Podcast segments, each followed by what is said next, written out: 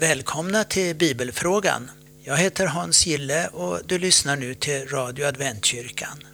Den första frågan har faktiskt med mig att göra. En av våra lyssnare poängterade att jag ofta hälsade med ett hej. Det borde jag inte göra, tyckte vederbörande. Och då kom jag ihåg att min pappa under många år undvek att använda hälsningen hej.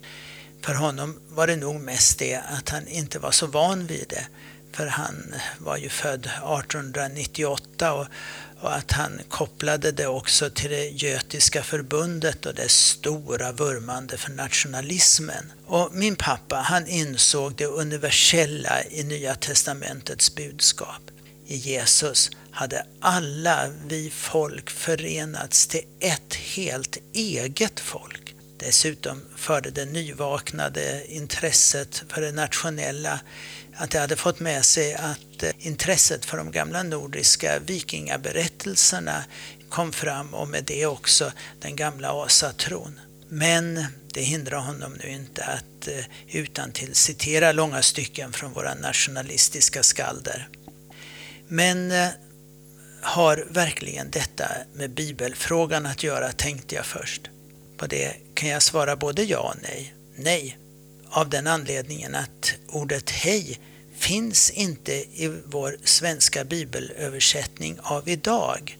Men ja, det har funnits med i de tidigaste översättningarna till svenska som Gustav Vasas bibel och även i Karl XIIs bibel och faktiskt in på 1900-talet har jag läst mig till.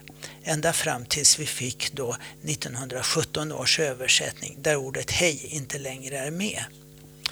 Ett ställe i Nya Testamentet och det man oftast hänvisar till nämligen Lukas 4 och 34 och då enligt Gustav Vasas bibel ifrån 1541 där en demonbesatt man i Kapernaums synagoga hälsar Jesus med följande ord, och nu ska jag försöka. Hej, vad hafum vi med dig Jesus Nazaren? Det är en fantastisk stavning nämligen. Eh, vad stavas H-U-A-D-H och har H-A-F-U-O-M och vi med W-I-G. Så det är eh, ganska intressant att läsa sån här gammal svenska. Men uttrycket levde sedan vidare i Karl XIIs bibel från 1703 och i modernare versioner ända in på 1900-talet där det kunde stå Hej, vad har vi med dig att göra?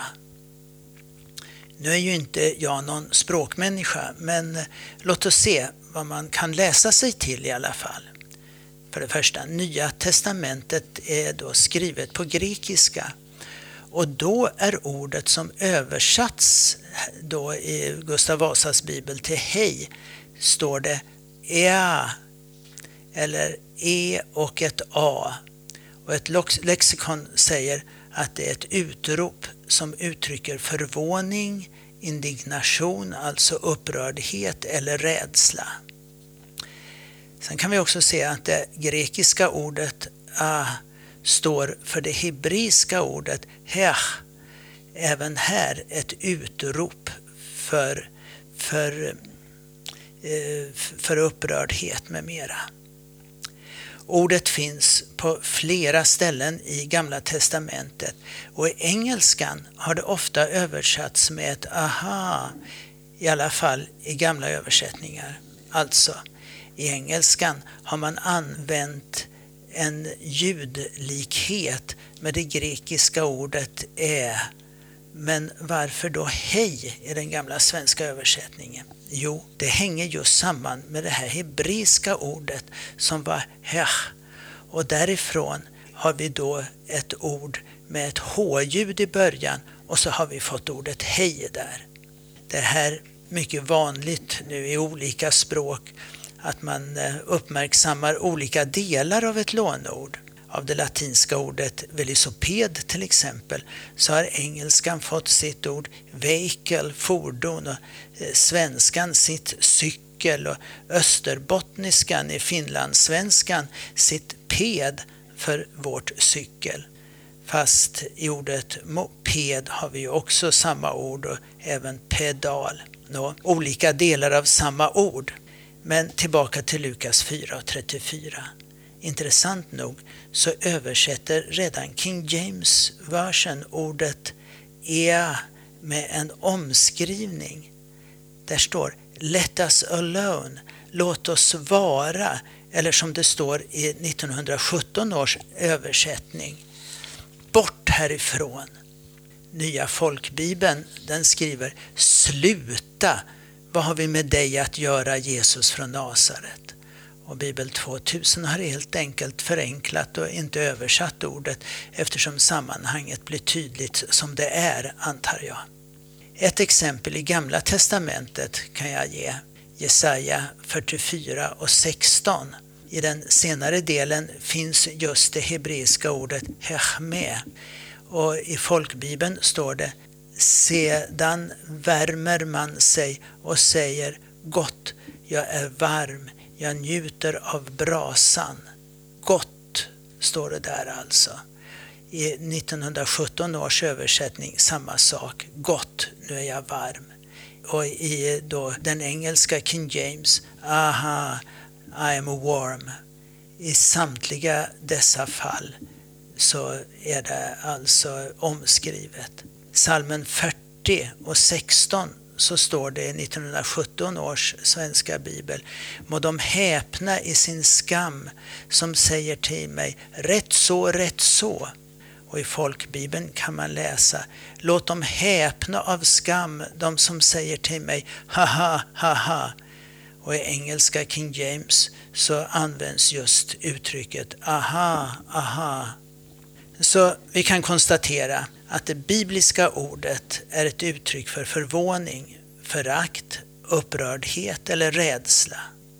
Att ordet har översatts på lite olika sätt beroende på sammanhanget kan vi också se. Och att det bara är i de gamla svenska översättningarna som det just har översatts med hej. Att språket förändras med tiden och att man därför måste finna nya ord som uttryck för grundspråkets idé, det är ju vanligt. Att det både i det grekiska ordet ja och hebreiska hach är ett bredare och mer allmänt utropsspråk på något sätt, särskilt vanligt i munnen på fiender. Men det har med andra ord ingenting med dagens hälsningsfras att göra. Du reagerar inte idag på om en engelsman säger hello eller hi, men tidigare ansågs det för ytterst obildat och vulgärt. Idag kan vi hälsa på varandra med ett du, men det var otänkbart för en del år sedan. Språk förändras. Det är vad som förstås med orden som ju är det avgörande. Jag hade en vän som ville införa hälsningsreform bland oss kristna till det vackra hälsningsordet frid. Det var ganska trevligt. Vad du än gör, gå inte förbi bara utan att hälsa. Vi vill inte vara osynliga för varandra. Och förresten, jag upptäckte att det finns en liten by i Västerbotten med ortsnamnet Hej.